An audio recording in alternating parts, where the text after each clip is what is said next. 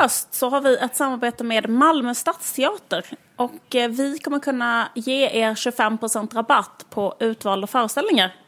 Kul va? Ja. Och eh, den första eh, pjäsen som eh, man kan få rabatt på är Bergmans Persona. Som spelas i Malmö till och med 8 november. Så kul. Jag såg precis Persona, fast den heter Persona, Persona, Persona, eh, på Dramaten. Jag menar inte att eh, göra reklam för Dramaten, men jag vill bara säga att den är väldigt... Det funkar väldigt bra att eh, adaptera eh, liksom till, te- från, teater, från film till teater. Alltså det, det är väldigt... Eh, för det handlar egentligen om två eh, personer bara, två kvinnor. I Bergmans film så spelas de om Liv Ullman och Bibi Andersson. Ja, så att ehm, det är inte så mycket tjafs kring i den filmen och det, det, är liksom, det känns som det bara är ett rum. Det är perfekt. Ja, det, det är väldigt, den, eh, den är stark, stark och bra skit. Jättekul! Eh, Jag ska försöka gå och se den i Malmö. Eh, För att erhålla rabatten så ska man säga koden VARG i kassan på hemsidan. Eller, eh, eller om man köpa biljetten eh, liksom på riktigt på ett försäljningsställe. Och då kan man också säga VARG så får man det här... jag vet inte, hur man- 25% man går fram rabatt. och- Man går fram och morrar så här och bara gör en sån hemlig... Det blir kul, det blir som en svart klubb. Man ylar. Så kommer de fatta. Eh, just det, och, och eh, det finns ju också alltid bra priser eh, om man är student Mm. eh, på eh, Malmö stadsteater. Då kan man se teater för så lite som eh, ibland kostar det typ under en hundralapp. Så är du student, gå på teater. Ja. Härligt. Ja, men tack så mycket.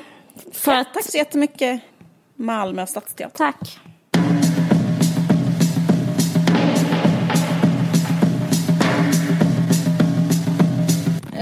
Hej, hur är läget?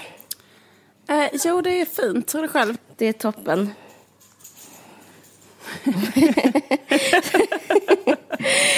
Eh, Det var inte så det lät vara sms tror natt. jag vet. Det är roligt. Eh, undrar om vi sen kommer så här ge ut, eh, ja, men typ som folk brukar ge ut brevväxling efter, när de är gamla och typ hur det Ja, egentligen var. Liksom. Ja, precis. Ja, precis. Nej, vi har en väldigt bra sms Mm. tråd. Men jag undrar, ja, precis, kommer det att komma? Att folk ger ut sina sms? Jag tror det. Lite redigerat skulle jag kanske vara intresserad av att läsa själv faktiskt. Eller? Mm. Inte? Jo, alltså verkligen. Man skulle vilja läsa, alltså precis som man läser eh, eh, kända pars brevväxling. Så Ja, hade man velat ja. ha deras sms-konversation från de eh, träffades till som skilde sig och sånt. Olika kända par. Ja, men precis. Um, precis. Jag såg att Alex Schulman, de hade något samarbete med eh, Tradera och då skulle han sälja sin mobil intakt med eh, alla sms som fanns där. Det tyckte jag lät så fruktansvärt, alltså jag blev så sugen. Ehm, men jag vet inte om någon nappade. Alltså det, ah, tänk att läsa alla hans or, o, ehm, vad heter det, osensurerade sms med Amanda. Ja, men det måste ju vara censurerat. Ja, jag vet. Det lät bara för fett liksom. Men ja, men man, man är sugen. Eh, Jag vill först och främst säga att det här står för mig, det här till våra lyssnare, det här står för mig, det är inte Livs åsikter där. För att det, det är två, för två avsnitt sen så pratade du om att du hade så mycket klimatångest. Ehm, och det, det, grejen är, jag är ingen klimatförnekare. Eller jag menar, jag är, det är som att säga, jag vet inte om jag ska ens säga det, det är som att säga, jag är inte rasist, men, men jag är i alla fall inte det. Jag har bara tänkt på en sak väldigt mycket. Eh, som handlar om, eh, vad ska man säga, eh, ja, men det är klimathotet eller klimatfrågan, liksom miljö, miljön. Eh, för den har, jag har läst mycket om den för det har varit så mycket på tapeten. Eh, och så har jag tänkt mycket på varför den har varit så mycket på tapeten. Eh, eller, två, tre saker har hänt parallellt. En är att eh, antirasism är, har blivit otrendigt och att rasism, nu pratar jag inte om SD, har blivit trendigt. Jag har liksom massa bevis på folk i min närhet som hade, det, finns, det fanns tre killar som hade en rb blogg innan. Alla de har blivit såna här intellektuella rasister.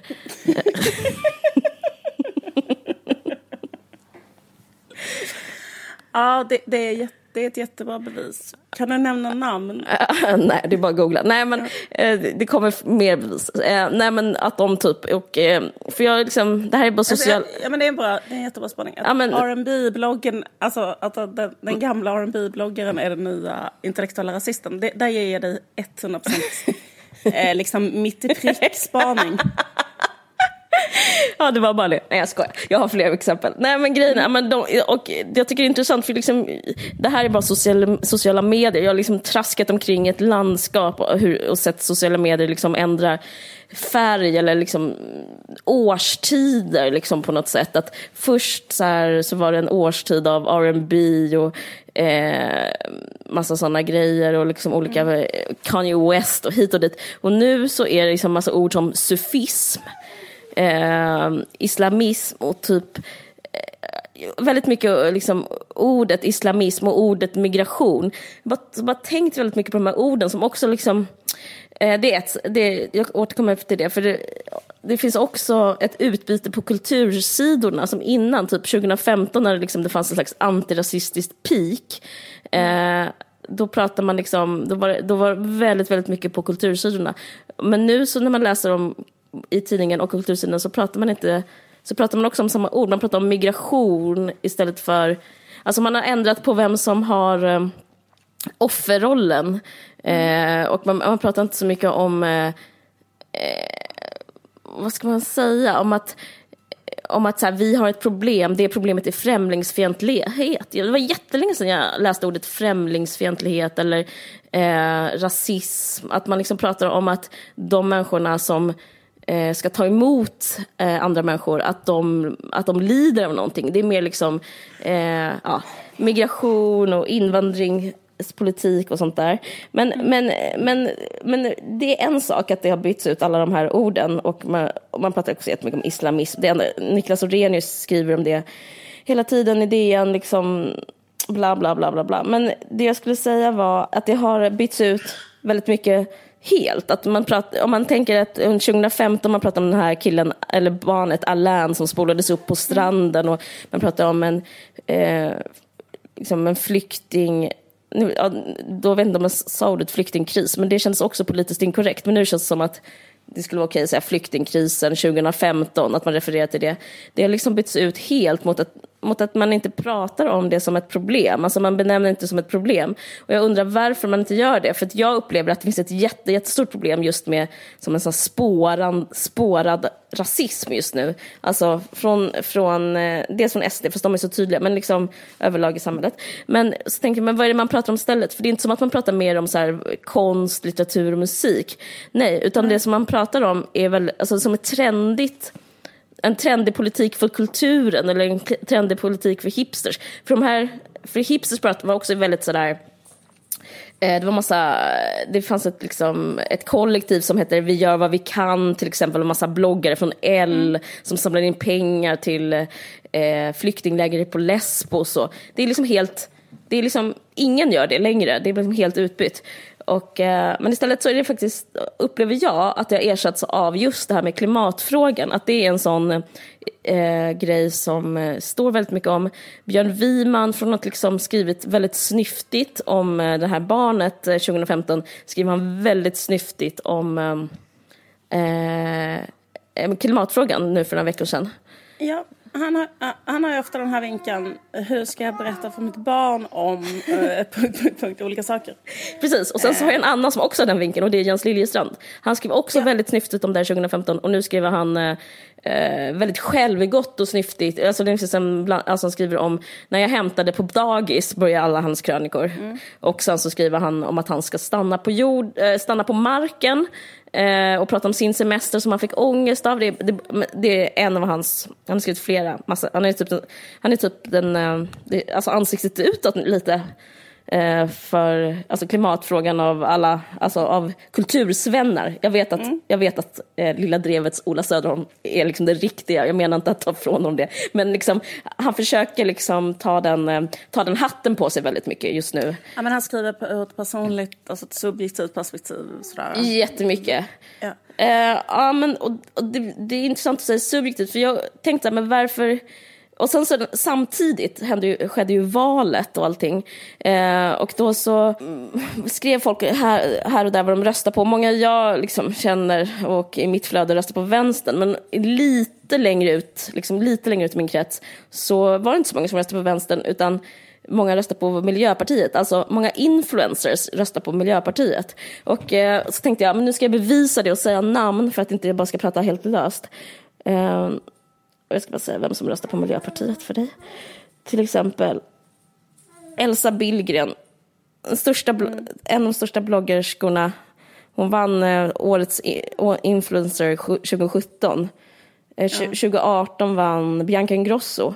Hon säger att hon röstar på Centern för en miljös skull. Um, innan så, ja, in, hon, hon övergav um, Moderaterna för Centern. Alltså liksom, om man är så lite höger så, så, pass, så, så, är det typ som högerns miljöparti kan man säga. Och sen så Isabella Löwengrip, hon var ju väldigt aktiv förra valrörelsen eh, för Moderaterna och hon har också gått över till Centern för miljöns skull.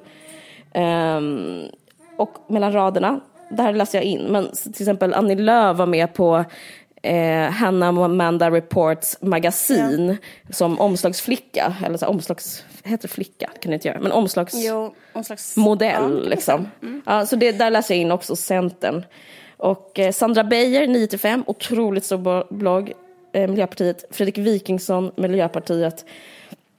Alltså jag vet inte. Eh, men så jag tänkte så här, varför, och så massa, massa, massa andra. Så jag tänkte varför de gör det. För att de står ju, alltså en influencer och sådana stora, de står ju för liksom vad som är trendigt just nu. Eh, och det jag har tänkt på är, eller jag, jag, tror att det är så här, att klimatfrågan, och det kanske känner, du känner dig förolämpad av eftersom du pratar om det, men jag upplever att klimatfrågan är den eh, vita mannens identitetspolitik. Alltså det måste... För det är den enda... För jag känner nämligen, anledningen till att jag tänkt på det här så mycket är att jag känner mig så rädd. Alltså jag har den här rasistiska ångesten väldigt mycket, kanske som du har din klimatångest. Jag känner mig väldigt så rädd för att leva i, i den här världen på grund av all liksom, rasism som normaliseras, bla bla bla bla bla. Men, och jag tror att jag har den på grund av att jag upplever eh, en... Alltså det här är lite försvar faktiskt för identitetspolitik. För jag kommer ihåg när det blev stort med identitetspolitik. Jag kände väldigt så starkt att jag fick för första gången eh, eh, en eh, liksom, att jag känner mig hörd, jag känner mig sedd. Inte för att jag är så himla rasifierad, men jag har ändå vissa erfarenheter och eh, jag har erfarenheter i min familj av rasism. Och när, jag, när det blev det här snacket om så här, det finns en vit blick, det finns en vithetsordning, så var det som att, eh, alltså jag mådde väldigt bra 2015 när det blev liksom att alla delade den Eh, det sättet att se det som en, alltså en norm, att det fanns en vithetsnorm. Eh, men nu så upplever jag att det finns eh, att de flesta så här trendnissar har övergett den här grejen för att deras egen identitet, dels för att det är otrendigt, det måste ta Margrethe.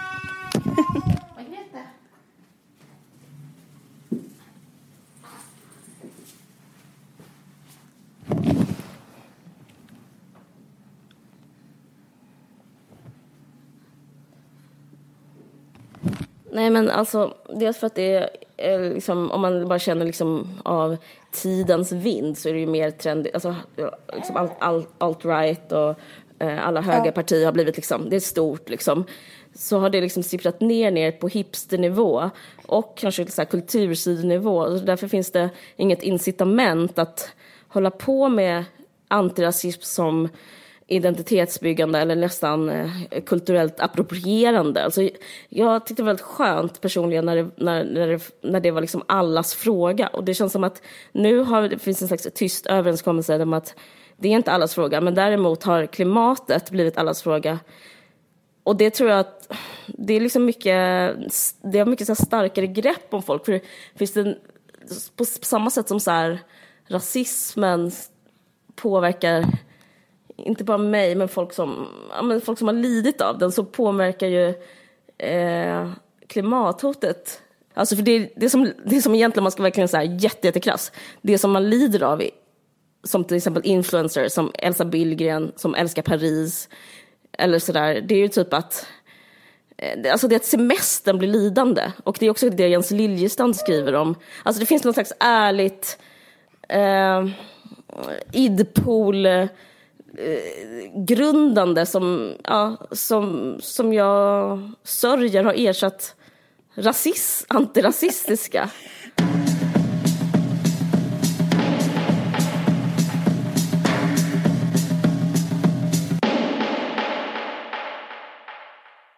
Ja, annat. Vad händer mer i världen? Du vet om det här att um, feminismen är död? Japp. Eh, nej men att feminismen eh, har ju eh, blivit så fruktansvärt så här, approprierad av alla så att eh, det är svårt att se någon eh, eh förändringspotential i den rörelsen eller så här, mm. på något sätt. För att den, jag, jag, var i USA nu och så tittade jag på tv och då var det en reklam, en klädreklam som var så här eller först så var det bara, först så såg man bara en massa kvinnor som gjorde massa grejer. Det var liksom en, en, eh, en, en, en rocket scientist, en kvinna som, eh, som gjorde något med en raket. Det var en mm.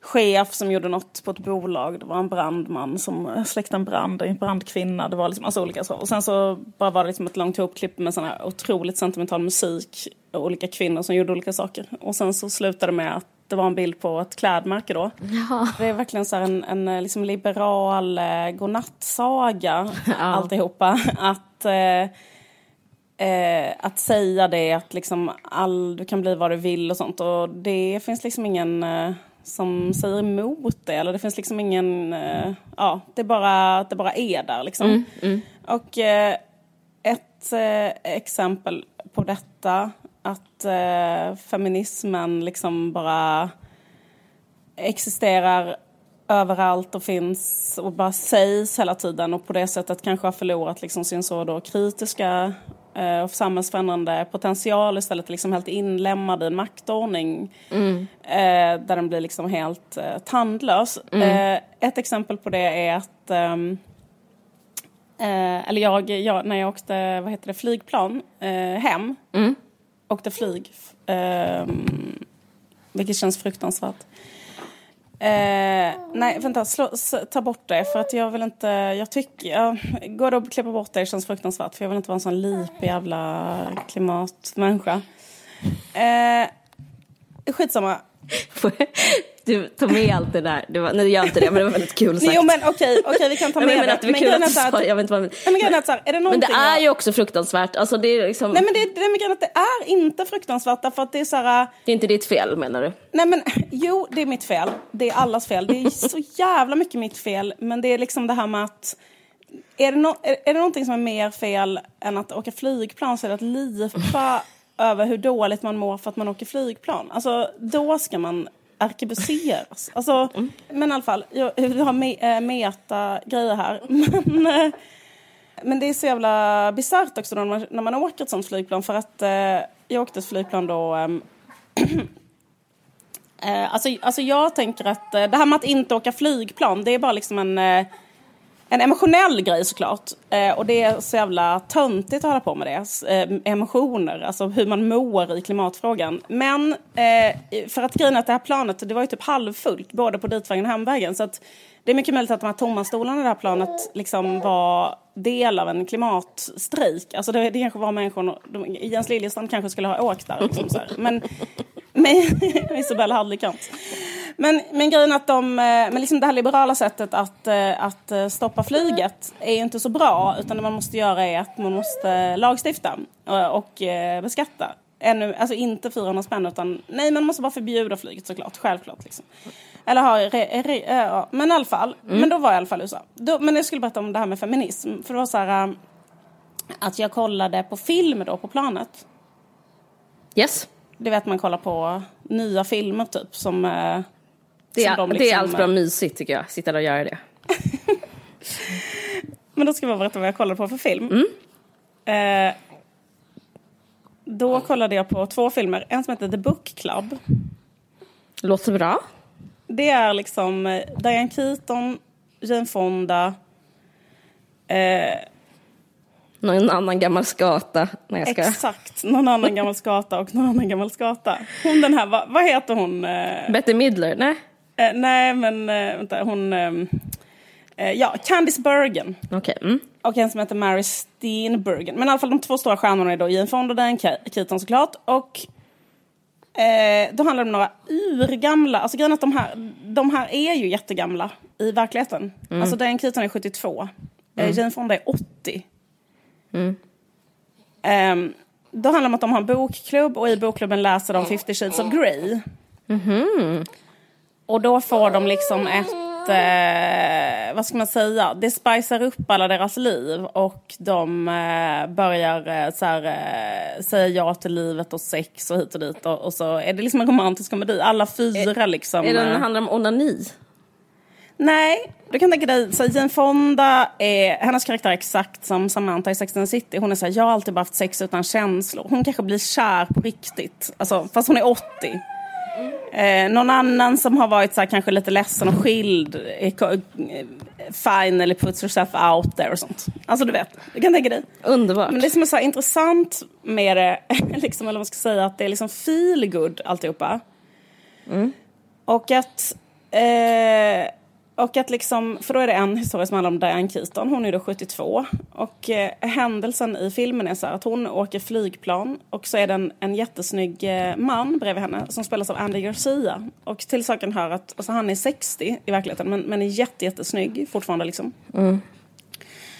Och sen är det att de två liksom råkar hamna bredvid varandra på ett plan och han bara så här rå-raggar upp henne.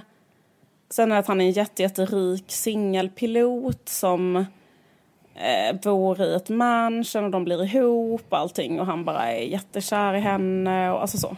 Det låter liksom som en slags meta 50 shades, alltså typ också en sån sexfantasi. Eh, Ja, det är kanske en sexfantasi eller en slags eller, fantasi. eller kärleksfantasi, dagdröm liksom. Ja, precis. Men just att liksom i filmen så har man så här, de medvetet liksom, eller man, man liksom går ifrån verkligheten som är då att en sån 60-årig så snygg pilot som var singel och var mångmiljardär liksom, Ja. inte skulle börja ragga på en 72-årig kvinna. Ja, men det är det jag menar, 60. att det är bara typ in, in your dreams liksom. Ja men exakt. Och, och samma sak till Jane Fonda då som är 80, hon blir ihop i filmen med Don Johnson. Du vet Don Johnson, eh, skådisen. Absolut, ja. Det är också... Och liksom, Nej men verkligheten skulle vara att in, ingen av dem fick napp någon gång, sen dog de. Alltså, Exakt. förlåt och det är så. liksom det som är faktumet för dem i verkligheten. Ja, alltså. Diane, alltså Diane Keaton, trots att hon är Diane Keaton, har ju liksom gått ut och sagt typ sådana saker. Jag har inte Ja. haft sex på 30 år och Ja. Jag har liksom aldrig, alltså jag har inte dejtat liksom på liksom evigheter och, alltså, och, och samma sak med Jane Fonda. Alltså Jane Fonda har ju också sagt det att hon säger jag, jag, jag har lagt ner det och hit och dit liksom. Alltså att det, detta är den nya liksom feelgood-feminismen eller någonting, att man liksom berättar någon slags liksom En slags snäll lögn. Saga eller lögn. Så slutar det kanske med att alla lyssnar på Beyoncé. typ. Liksom, eh, ja men exakt, exakt. Och i den andra filmen jag såg var exakt likadan. Den heter Life of the Party. Det var med hon Melissa McCarthy. Eh, eh, eh, om man inte vet vem hon är, hon är liksom eh, eh, vä- vännen i Gilmore Girls. Jaha, pluggisen, bakade en pluggisen. Ja, exakt. Eh, Jaha, hon! Nej okej, okej. Jag ja, trodde... hon, hon brukar vara med i Saturday Night Live. Hon, Ja, hon, okej, eh, eh, hon, hon har varit med i alla de här Ghostbusters och Bridesmaids. Hon är liksom en del av det gänget med de här... Hon är på comic relief jätteofta. Hon, hon, är- hon är liksom en, en, av de, eh, en av det gänget, man kan säga så här, roliga eh, amerikanska kvinnliga skådespelare. Kanske, kanske tillsammans med hon den här eh, Kirsten Wiig kanske. Och, ja, hon brukar göra filmer om dem. Men det handlar i alla fall om att hon är en eh, hemmafru. Eh, och hennes dotter har precis börjat första året på college. Eh, och då eh, blir hon lämnad av sin man. Eh, och hon är liksom 48 typ kanske. Eh, och hon har själv aldrig tagit studenten på grund av att hon eh, blev gravid. Eller hon har liksom aldrig gått ut ur college. Eller hon har aldrig liksom eh, graduated. Och då bestämmer hon sig för att hon ska bli sån... Student nu. Så att hon går tillsammans med sin dotter. Så är det massa, massa sådana mammaskämt. Alltså skämtet är, alltså the running gag är så här, mm. en pinsam mamma. Alltså det här, mm. någon som säger fåniga saker på sig, liksom har permanenta tår och en jättekonstig eh, myströja och säger down with the clown och alltså massa sådana saker. Mm. Eh, är på college. Mm. Eh, bland eh, collegebarn. Och eh, ja, men det är liksom väldigt typ slags komedi. Mm. Eller hur? Typ mm. någon är på fel mm. Men det som kanske är lite så här då out of the box, eller som jag tillskriver då den här eh, slags liksom feministiska trenden i samhället är då att eh, eh eller mainstream feelgood feminismen är liksom att hon då blir ihop med en typ 23-årig student, en kille, eller att han, eller att hon börjar ligga med en kille mm. på eh, campus typ. Och att han beter sig exakt likadant som de här andra männen beter sig i den andra filmen. Nämligen att han är liksom perfekt mot henne. Alltså typ att han är så här... Eh, han kanske kommer med en ros till henne och säger eh, du betyder allt för mig. Du, alltså, Eh, alltså det är som en fantasi mm, liksom ganska mm, mycket. Mm, att en sån 23-årig hunk liksom inte skulle vara så som sådana killar kanske är i verkligheten. Alltså gruppvåldta honom med sina kompisar och, och sen kolla på porr och sen typ, alltså förstår du? Typ så. liksom, jag vet inte. ja men absolut. Och, eh, men istället så är han så här, eh, han blir kanske kär i henne på riktigt. Och mycket så här tar hand om henne. Jag vet inte, det är så svårt att förklara. Och, och, exakt så är den här eh, 18 år yngre multimiljardär ja, En slags gentleman kanske? Ja, han är en gentleman. Exakt. Ja. Han, är liksom, han beter sig som en, en slags eh, helt perfekt version. Alltså den sjukaste typen av kvinnofantasi. Alltså typ eh, den mest debila typen av kvinnofantasi. Så här, en, en 23-årig hunk. Som öppnar dörren för kär i mig fast jag är 48 år. Och, eh, nej men jag vet inte, och, och, eller så här, jag är 72 och då kommer en, en, eh, en pilot och liksom så här äh, bjuder med mig till hans vineyard och vi, vi blir kära på riktigt. Och, alltså, alltså jag, jag vet inte riktigt, alltså att det är väldigt mycket så här. Nej men jag vet inte riktigt vad den här äh, trenden säger, för det är ju det är liksom en, det, det finns ett underliggande politiskt budskap som är typ att ageism är fel eller någonting. Age is nothing but a number. Ja, exakt. Eh, men saken är att det är någonting med det, alltså det, syftet är liksom att på något sätt ändra det här då, liksom att filmer alltid ska vara så. Eh, men det är liksom någonting med det som gör att det känns otroligt förljuget. Så att eh, liksom det, det, ser, det är så väldigt så förljugen feelgood. Förljugen feministisk feelgood. Och så slutar det med att de spelar Stronger med Christina Aguilera. Och Christina Aguilera kommer dit på riktigt. Och är så här... temperatur på hennes karriär också. Stronger. ja. Men är det inte att du känner, jag vill inte lägga orden i din mun, men är det inte liksom att du känner att det finns någon Eh, en, alltså, att feminismen är död, eh, som du sa i början, alltså att det är beviset för det är att den är inom det, den ja. kommersiella uh, marknaden, den kapitalistiska marknaden som feminismen från början kritiserade. Liksom, att, uh, det jag säger, känner, eller det jag tänker när du berättar det här, så tänker jag ah, men det är ju bara för att kvinnor är en sån jätteköpstark grupp. De kommer se det här, de kommer typ så här, få bra på box office, för det är så många som mm. kommer, det är så många jävla nuckor ensamma mm. där ute som uh, typ inte något bättre för sig än att gå och se den här. Alltså det är liksom som en slags jag tänker på sådana här Harlequin-romaner, alltså typ så här, eh, ja, eh, en slags tantsnusk fast kanske mm. lite paketerat som eh, feminism då liksom. Ja, det är fruktansvärt. Um, men så känner jag att, men så är väl Beyoncé också, att man säger så här, girls run the world, fast som absolut, alltså fråga Indien om de run the world. ja, precis. Fråga en sån. Nej men det, det, nej, men det blir så konstigt ja. för det är så här, att man liksom berättar en saga som inte är sann. Nej, som är så här, som köp t-shirten. Ja.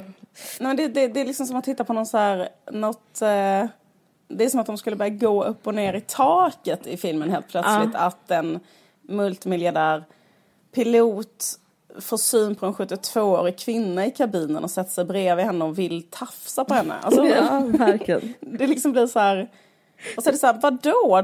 Hon kan väl vara sexig fast hon är 72, så hon säger fast hon är inte det. Alltså det, eller, liksom, eller jag menar, det, eller, det, det, liksom, det går inte till så. Så jag vet inte vem man liksom, jag vet inte vem man, jag vet inte vem man hjälper genom att säga att det går till så när det absolut inte går till så. Men jag tror inte det, alltså, det, det, det är megacyniskt, de vill väl inte hjälpa någon. Men eh, jag är intresserad av om det, om det är en kvinnlig eller manlig upphovsman. Alltså är det, vem, vem har män, gjort dem? Det är män. män. män. Ah, okay. alltså, eh, det är eh, Bill Holderman har Eh, regisserat ett boklov. Och sen är det då Ben Falcone som har gjort eh, regin till Life of the Party. Men eh, har skrivit manuset tillsammans med Melissa McCarthy. Men det var ju en komedi, så där kan jag ändå ge det. Då, då, då, då måste jag säga att, att den var ju... Där var det ändå lite... Där kan jag liksom ändå tycka att så här, det är lite ro, att det blir liksom en roligare... Um, eh, eh, det blir liksom lite roligare film om hon på riktigt har sex med den här 23-åringen och han blir tjejen. Alltså det är något i och för sig, det är rätt så kul. Alltså för att mm. när det är en komedi så gör det kanske inte så mycket att det är så här att det är liksom absurt. Eller så. Nej men jag tror att han bara, ja, mm, men då tror jag det är ännu mer så att de bara ser publiken som en såna, uh, ett gäng vandrande dollarsedlar som ska gå och sätta sig i biosalongen. Alltså det är, bara, det är så fruktansvärt cyniskt. Alltså exakt som när H&M håller på med liksom sina t-shirts eller vad som helst. Alltså det är bara... Ja precis, men det känns uh, som att det finns så himla mycket den, den, liksom så här, den typen av uh feminism nu i USA. Alltså varje tv Men lablas, varje... det som, lablas det som feminism? Liksom... Eh, ja, ganska mycket så girl power hela ah. tiden och liksom så kanske olika... Alltså att det är, jag vet inte, det känns, känns så väldigt, väldigt, väldigt populärt liksom. Verkligen. Alla de här liksom Amy Schumer och Lena Dunham, alltså jag tänker på hur de är och hur de, alltså så, hur alla de här uh, Saturday Night Live-tjejerna är. Alltså det, är, det är liksom en slags, uh, det är liksom, ja det är någonting som pågår liksom. Men det är ändå rätt spännande, för frågan är, för det finns ju fortfarande ett behov i och med att sexism fortfarande finns, alltså fast feminism inte finns längre mm. så finns ju sexismen kvar. Mm. Eh, Absolut. Det är liksom det som är eh, som ett slags eh, jag vet inte, jag vet inte, kanske konstigt att säga spännande, men som att vad, då måste det, och något nytt. Mm. Vad, vad, är det an, vad är det som ska sätta mot sexismen om det inte är feminism? Det är som att det finns både, i och med att feminismen liksom, finns nu liksom som en slags lierad med sexismen så liksom är det mm. ingenting eh, på andra sidan. Jag bara undrar hur formen för en sån rörelse skulle se ut? Eller vad, det som, vad, vad, vad, man, vad, vad som ska komma eller vad som behövs göras?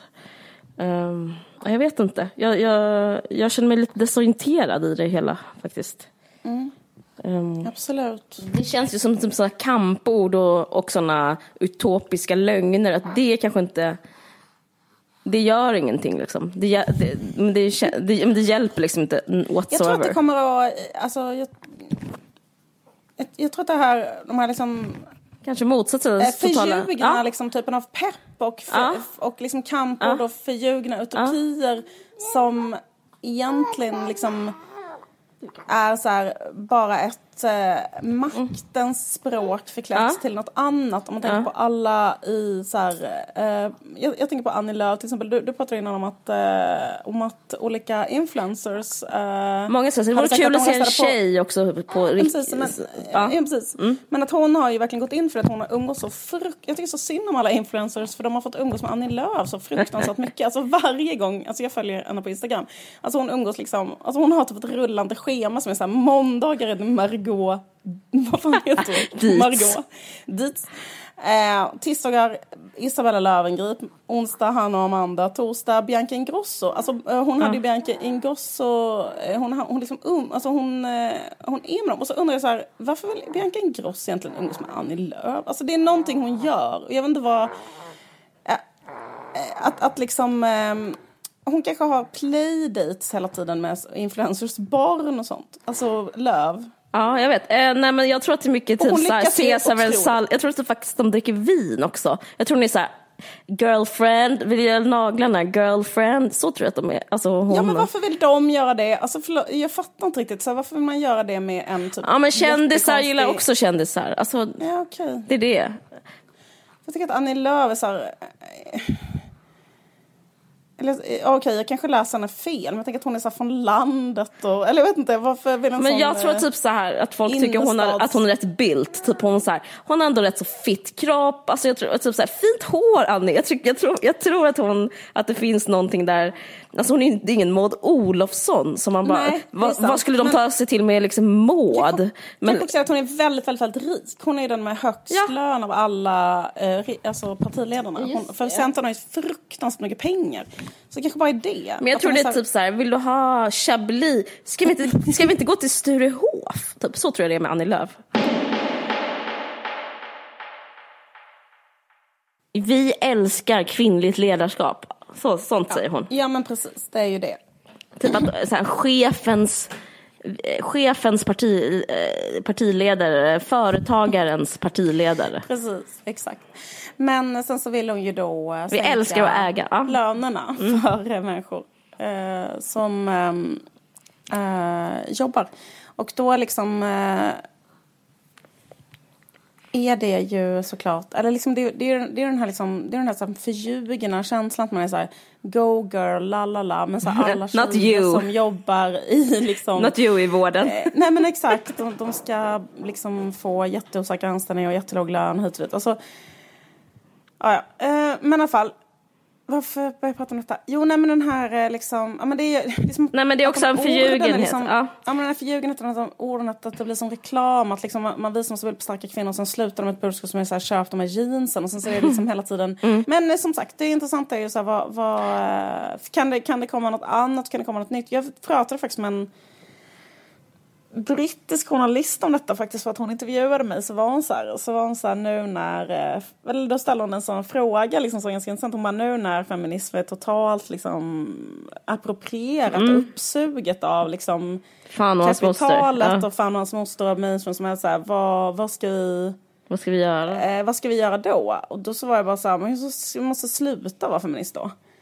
Eh, och då så sa hon, eh, ja men liksom vad ska man vara istället, eller vad ska vi, hur ska vi göra istället? Mm. Eller, vet, Det är ett slags vakuum. Det, så, så det är ett vakuum. Ja. Mm. Men jag funderar på um, eh, rather självgott. För att jag tycker att jag pro, eh, pro, det, propagerat för det här länge. Men jag funderar på att istället, liksom, jag bara gör motsatsen. Istället för typ den här att typ total takeover och typ tjejer run the world och, och typ så här alla 80-åringar får ligga med eh, typ såna latin, rippade latinokillar. Alltså det, det, alltså att bara, att man istället för att så här ljuga om det, att man kanske bara ska säga typ, att det inte är så. Att det liksom finns någon slags subversivt i att tvinga människor ehm, eh, men liksom sån gammal, liksom så gammal kanske så upplysnings...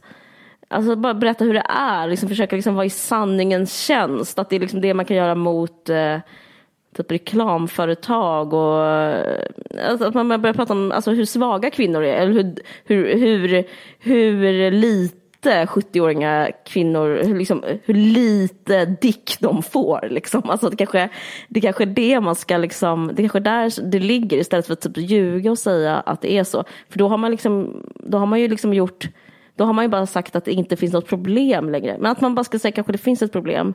Eh, och att eh, människor fortfarande mår skit. Och, men det finns ju väldigt för det är ju inte så köpstarkt att säga det. Alltså, vad, jag bara tänker man skulle en slags, som man tänker KBT, eh, hålla på med någon slags tvärtom. Eh, för att få slut på ett beteende så ska man göra det totalt tvärtom. Liksom. Just det.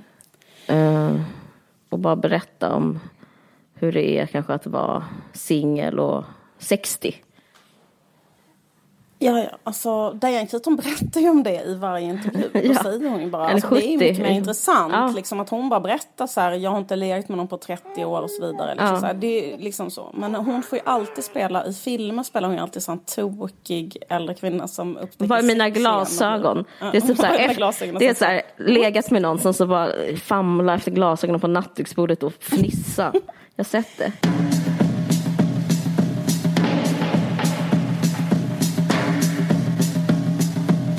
Vi har ju ett samarbete med Storytel.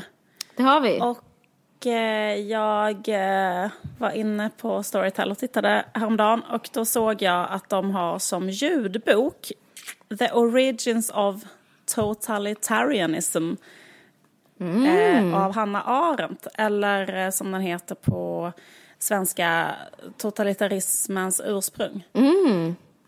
Men eh, i dessa tider och så vidare eh, så eh, är det ju eh, väldigt eh, viktigt att eh, stå emot eh, eller förstå eller analysera liksom, totalitarismen, rasismen och så vidare eh, som eh, finns i samhället. Och eh, det här är verkligen en så här otroligt, alltså kanske en av de smartaste människorna som någonsin har levt, Hanna Arendt, som har analyserat de här grejerna superordentligt. Och den kan man lyssna på. Så skönt. så det är skönt, skönt att lyssna på den också tycker jag. Verkligen. Det, liksom, det känns lite svårt att ta till sig. Alltså, I sådana här tider ska man alltid gå till skrifterna, men det, ibland kan det kännas lite så mastigt. Då är det väldigt skönt att just en mastig text kommer direkt in i ens öra. Liksom. Exakt. Och hon skrev ju de här äh, texterna mycket utifrån sina erfarenheter av äh, andra världskriget. Ja, Eh, I alla fall. ehm, så att eh, gå in, lyssna, kan man ta en jättehärlig promenad och eh, förstå eh, totalitarismens ursprung samtidigt. så mysigt. Eller diska, städa, göra något annat samtidigt. Och eh, vi kan nu erbjuda våra kära lyssnare att prova på Storytel kostnadsfritt i 30 dagar.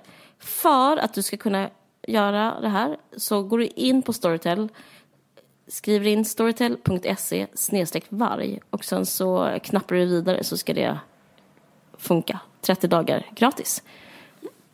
Tack så mycket Storytel. Tack Storytel! Älskade, älskade Woody Allen är tapeten igen. Ja, men precis, vi, vi har ju ett, vi har ett gammalt avsnitt eh, där vi pratar om Woody Allen som heter Kängururättegång. Just det. Otroligt avsnitt. Vi redan då... eh, den här, eh, hade vi den kontroversiella åsikten som jag håller fast vid fortfarande som jag tror att han inte har våldtagit det här barnet. Men, nej, det har han ju inte. Men däremot har han ju blivit tror inte jag heller. vilket ju är... Eh, ja, men Så här, så här. Sanji bryter tystnaden efter, eh, hur länge har du, efter 20 år eller vad fan det är. 20 år. Eh, hon har inte liksom sagt någonting om alltihopa för hon, eh, och Sanji är Woody Allens fru. Eh, de träffades via mer De träffades via Maya Farrow. Skoja, det är kul eftersom att eh, de träffades på det sättet att hon var Mayas och An- Anthony Previn, äh, Andre Previns eh, Andre eh, f- eh, adoptivdotter. Och hon har inte sagt eh, flasklock om hela liksom, det vacklet. Men nu så talar hon ut. Eh, illsinta röster säger att hon talar ut på grund av att Eh, det går dåligt ekonomiskt för eh, Woody Allen. Han får inte alls lika mycket pengar för sina filmer längre. Och så vidare och så vidare. Eh, under metoo-rörelsen så var det väldigt många skådespelerskor som säger att de ångrade att de jobbade med honom på grund av att de ville ta Dylan Farrows parti. Så att han liksom har en slags persona non grata-vibe nu kring sig. Jag tror att en väldigt tydligt tecken var att Hillary Clinton, de två ville stödja hennes kampanj. De ville ge Hillary pengar, som J och Woody Allen, i hennes liksom, och då så betalade Hillary tillbaka pengarna. Alltså så, eh, så mycket persona non grata är Ja, visst. Och Kate Blanchett, Timothée Så jobbigt att få tillbaka de pengarna in på Blake sitt konto. När man Lively. ser helt plötsligt att bara pengarna är tillbaka på kontot. Vad Jag fan. hoppas du ång- ångrar dig nu, bitch Hillary, för att det var inte som att du vann direkt. Jävla. Ja, skitsamma.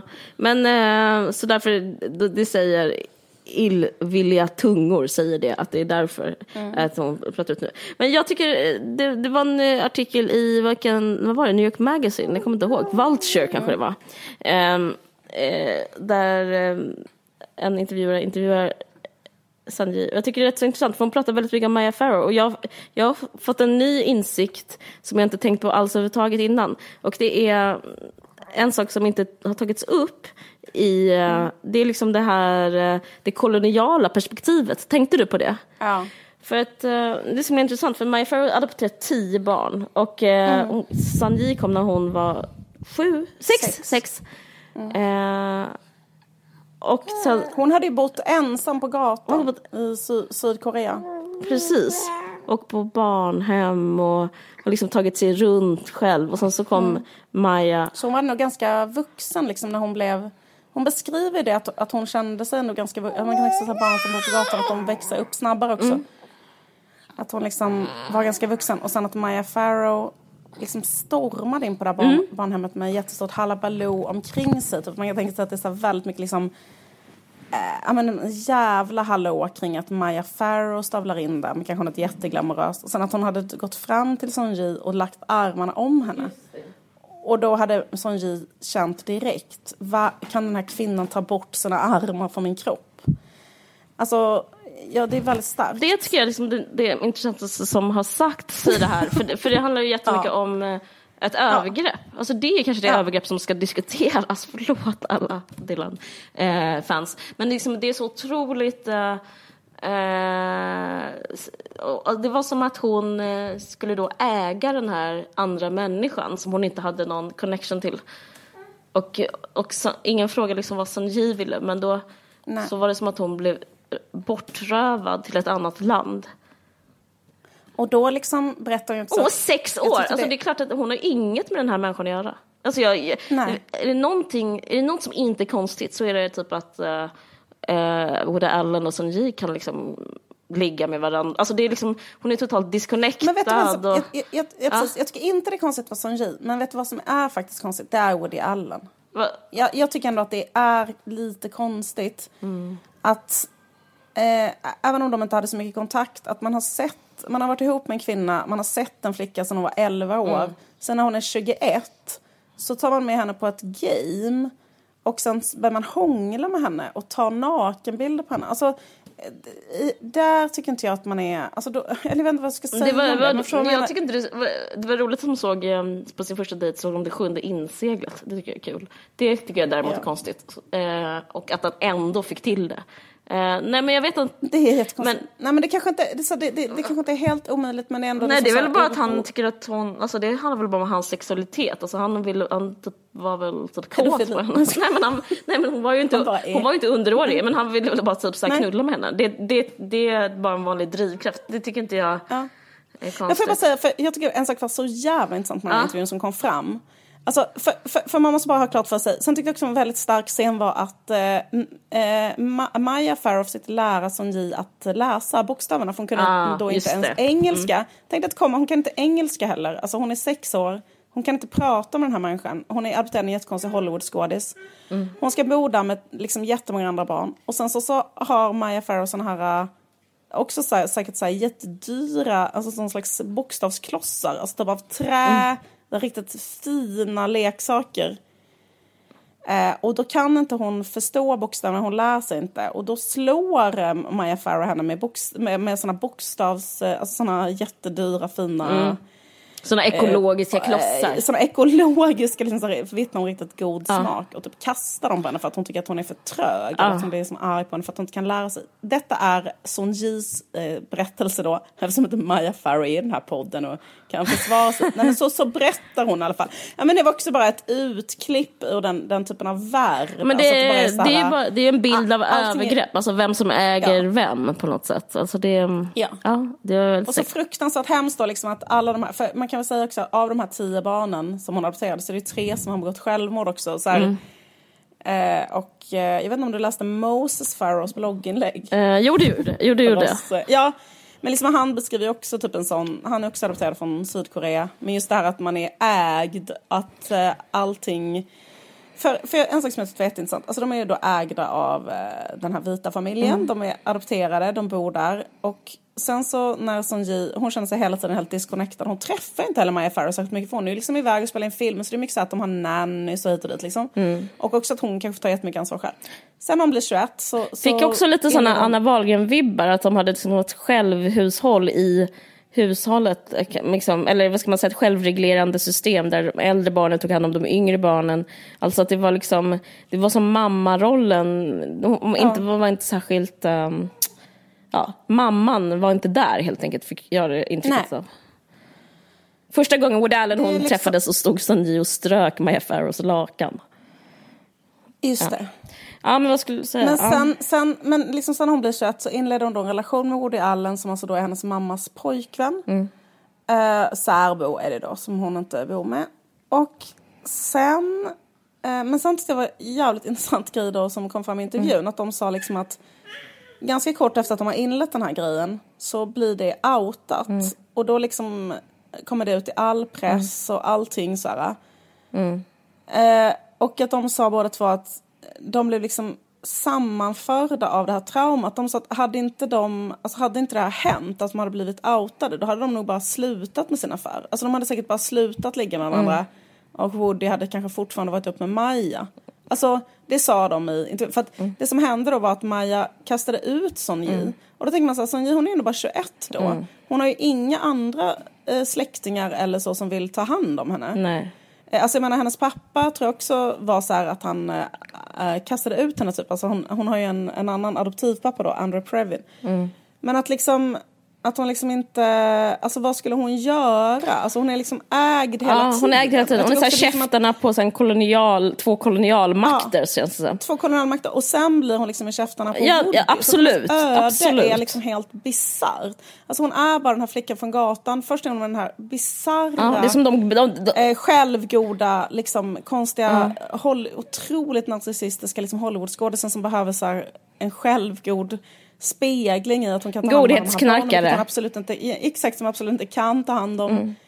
Sen blir hon liksom i garnet på den här äh, sugna killen. mannen. Ja, men det Exakt som vill Ja. tycka att hon börjar liksom få ett sexuellt Ja. intresse av henne. Och sen är det så speciellt att hon liksom inte har... men båda eh, liksom ska gama på henne, båda ska så här roffa. Ja. Alltså det är väldigt, eh, eh, också det, eh, jag tänkte jättemycket på vad jag skulle säga om det här för jag vill liksom inte förolämpa någon eller vad, det är en väldigt känslig fråga men på ett sätt så är det bilden, alltså det som jag hoppas på kanske är att så här bilden av adoption som, som en god handling kanske så här, kan mjukas upp lite. Jag vet inte om någon kan läsa in det i, den här, i de här texterna men det finns ju någonting, det finns ju väldigt tydligt objekt och en, ty eller en tydlig förövare. Alltså jag skulle inte, anledningen till att jag kan är så säker på att Woody inte har liksom legat med Dylan är ju att Maya Farrow har ju så himla tydliga attribut av en förövare också. Alltså det är liksom inte, Maya Farrow och den familjen är ju inte offer för en, eh, där Woody Allen är the predator, utan det är liksom att de två tillsammans kastar som J som en slags boll mellan varandra. Eh, och, Ja. och det liksom blir en slags mikrovariation av makro, ja men typ så här hur väst är mot, eh, och har varit mot så öst och hur liksom, ja det vet inte, det, är liksom, det säger något om adoption så- och om liksom hela så kolonialismen, alltså det är väldigt smärtsam läsning. Ja. Och att hon sen då liksom har fortsatt vara gift med Woody i 20 år. Hon har inte jobbat Nej. heller utan hon har bara bott i deras lägenhet där på Upper East Side. Just och så var det så här, hennes dagar beskrev de där. Att hon går upp, de har ju själva två adoptivbarn som kanske nu, som nu då kanske går på eh, college liksom och är vuxna typ. Eh, Men eh, Ja. att hon liksom eh, går upp, går på yoga, äter lunch, kanske shoppar, sen så går hem. Alltså att hon typ tränar. Hon totalt ägd. Hon sa ju en sak som var väldigt eh, megastark. Det var så här, enda som jag skulle kunna ta med mig från det här townhouset på Upper East Side är den här fluffiga tröskelvärmaren. Läste du det? Ja.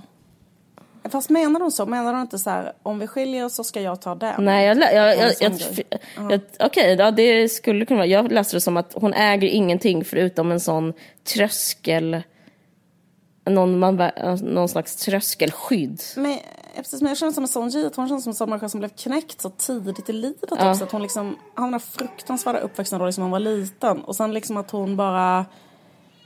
Eh, att hon har liksom inte resurser, alltså hon måste liksom ägna resten av sitt liv åt att vila upp sig. Och det är det hon gör i det där Upper East Side-huset med Woody. Alltså vad jag menar? Alltså hon kan inte... Eh, hon, bara, hon bara sitter på de här, i de här liksom fantastiska miljöerna med de här jättedyra kläderna och bara vilar sig. Och förhoppningsvis. Eh. och förhoppning, jag, tänker mer, jag tänkte mer på som en sån saga eller en film av Lars von Trier. Typ att, att det är som en film i tre delar hennes liv. Först liksom övergreppen i eh, Korea. Eh, Och sen så övergreppen hos Maya och sen övergreppen hos Woody. Att, liksom, att det är liksom en tragedi i tre akter om att alltid um, vara ägd av någon annan på något sätt. Alltså, det, ja, jag, jag vet inte, hoppas hon vilar upp sig. Jo.